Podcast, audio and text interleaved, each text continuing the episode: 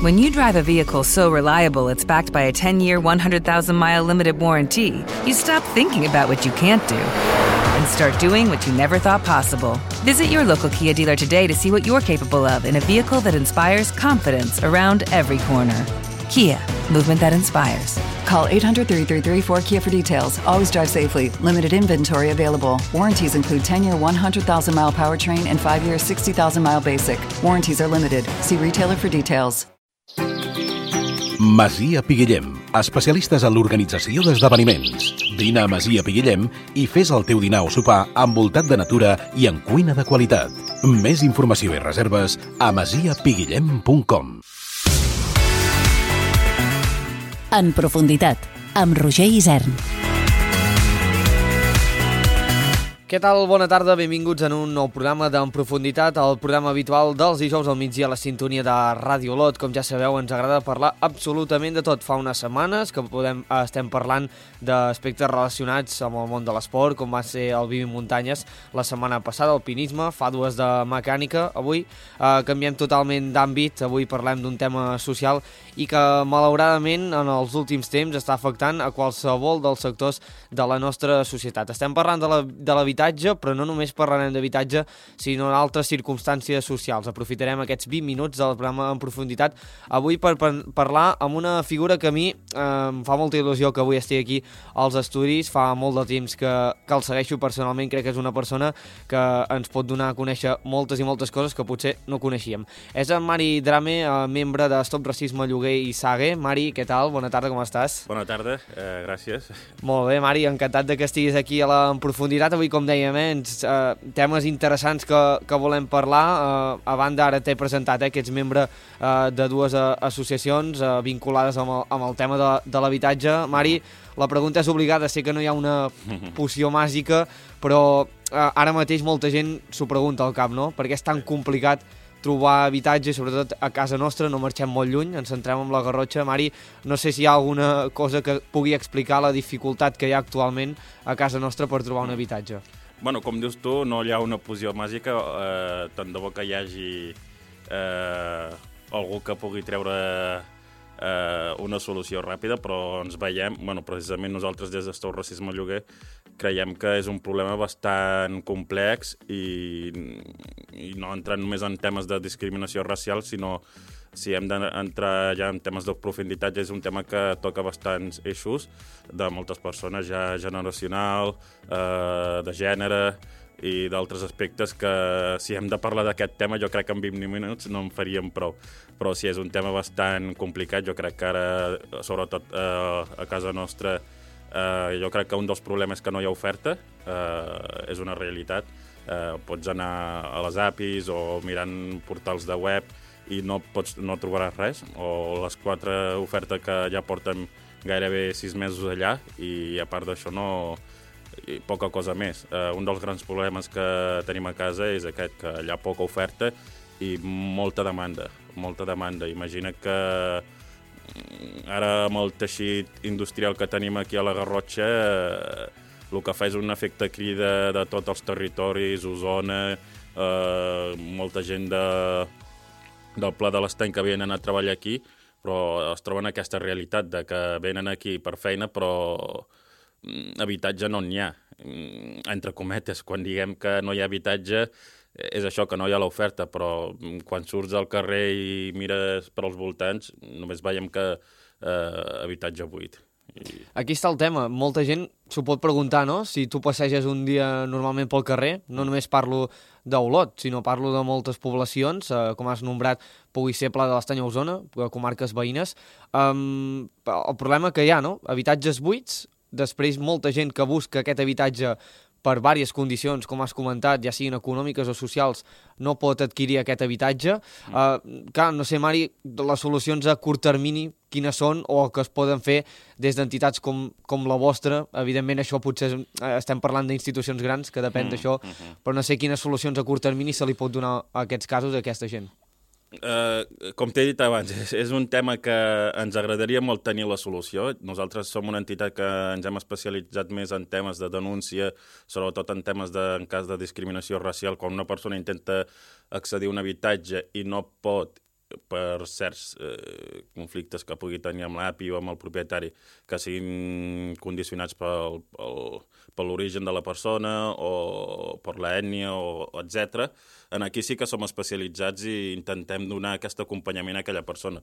Però aquí a donar la solució de com podem obrir o, o fer més àmplia el que és el ventall del mercat eh, és difícil. És difícil perquè nosaltres creiem, o és, ja és una opinió meva, de que veiem que hi ha molta, molts propietaris que no directament et diran que no vull posar el meu, el meu habitatge en, en lloguer pel simple fet de vull discriminar tal persona, sinó hi ha una certa por.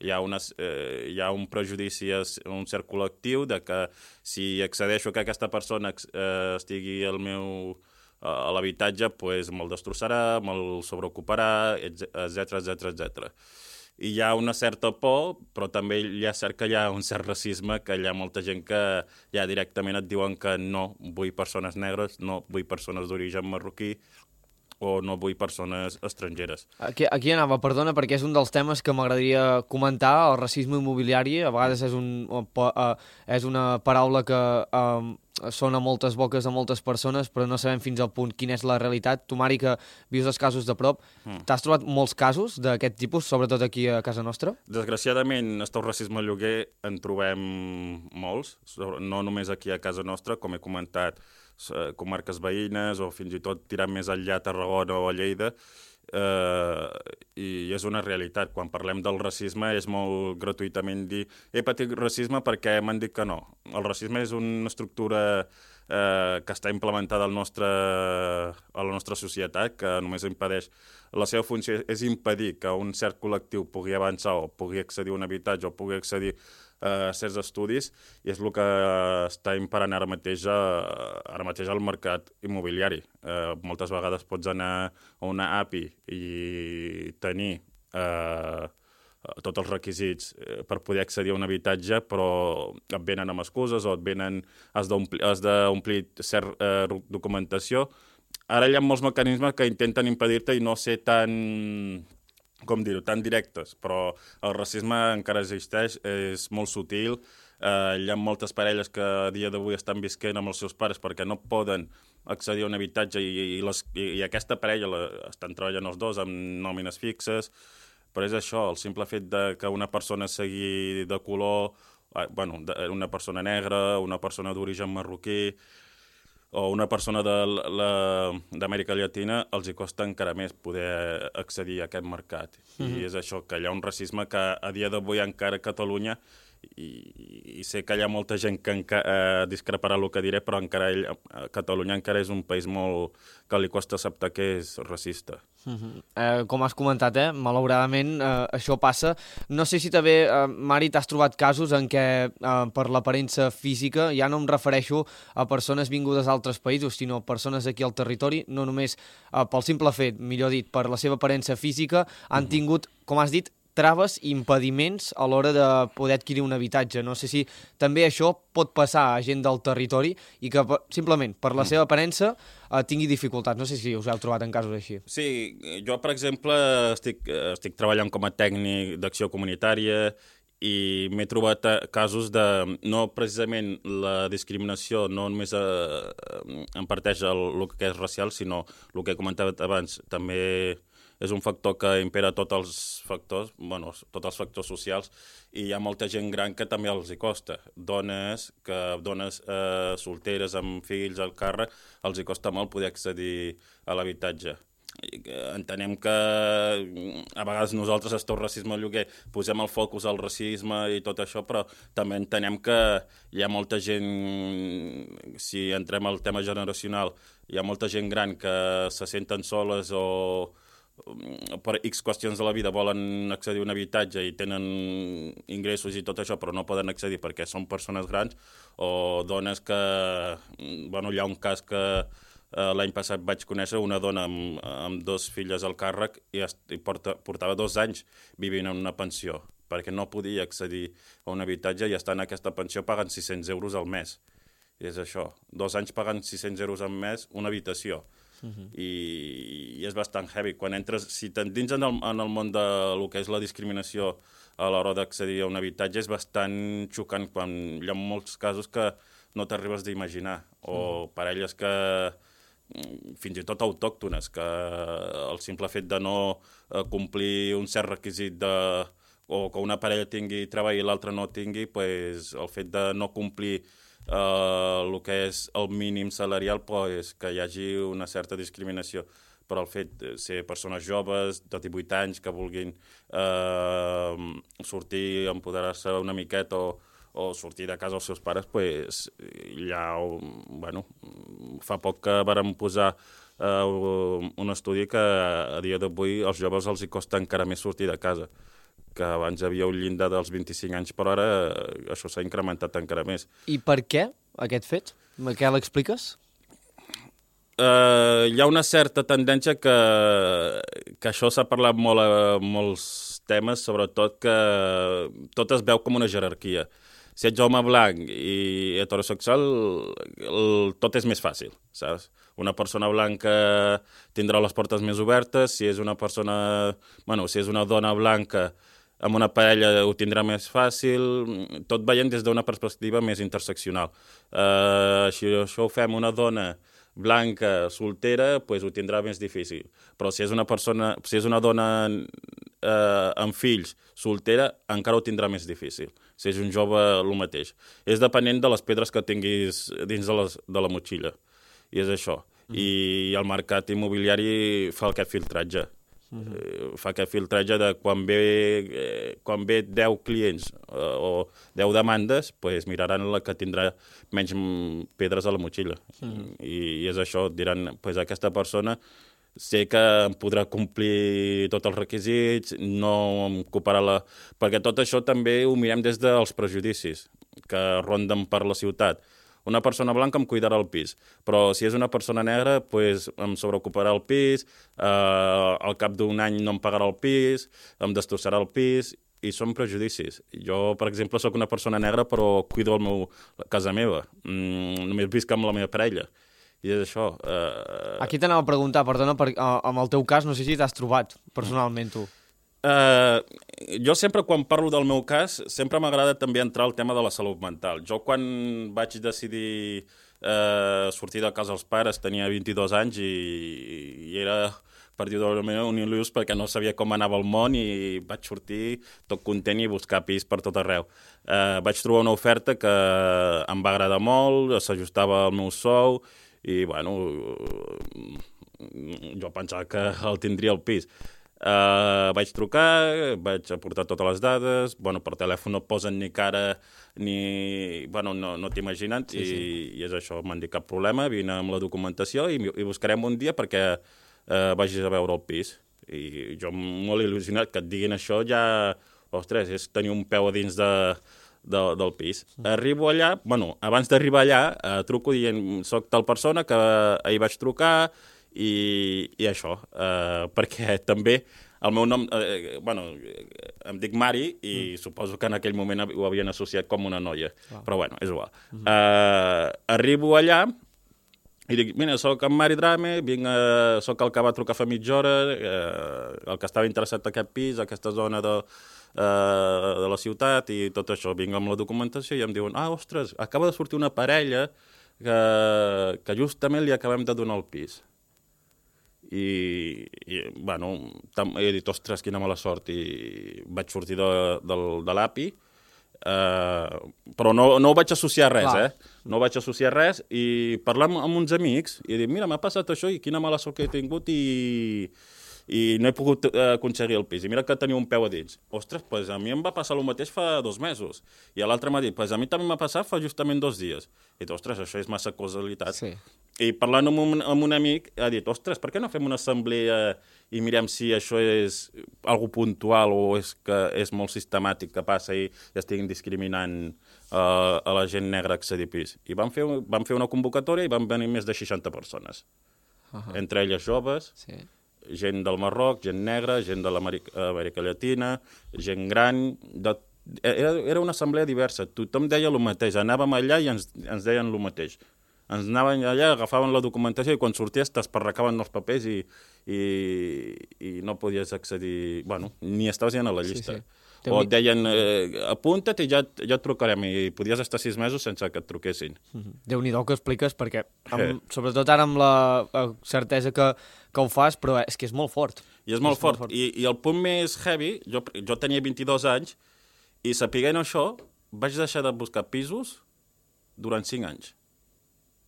Perquè el fet de, ostres, anar i que un api o un propietari em digui no, per el simple fet de que tingui més melanina que ell, i que em digui no puc accedir al pis perquè sóc negre, això em va trastocar bastant. O sigui, ja psicològicament, perquè hi ha moltes famílies que no poden dormir. Hi ha moltes parelles que estan a casa dels seus pares sobreocupats i no poden fer vida de parella, i, i això és una càrrega bastant emocional que hi ha moltes persones que... És un tema que no toquem, per això jo quan parlo del meu cas personal o la meva vivència, sempre intento enfocar-ho això, que no, que és bastant heavy, que és cert que patim discriminació per la part emocional o psicològica és més, més forta. Oh, i tant, oh, i tant. Sí, sí, jo, jo em quedo amb això que comentes, eh? després mm. del fet que et va passar, vas estar 5 anys, Cinc anys. sense buscar pis, mm. jo també comparteixo el que comentes, eh? que mm. això és una de les grans conseqüències que, que li pot passar a una persona i malauradament a la societat encara falta molta pedagogia i a 2023 que estiguem parlant de que una persona tingui més traves per accedir a un pis que una altra per les seves condicions ja siguin uh, uh, uh, físiques, uh, etc. Mm. sincerament encara, que encara falta molta pedagogia. Jo crec que en un dels altres aspectes, no sé si ho compartiràs, Mari, que potser falta pedagogia i també està molt racialitzat i està molt eh, ple de prejudicis, és el tema de les ocupacions. Està mm -hmm. molt sobre la, la taula darrerament, sobretot també aquí a casa nostra, a Olot hi ha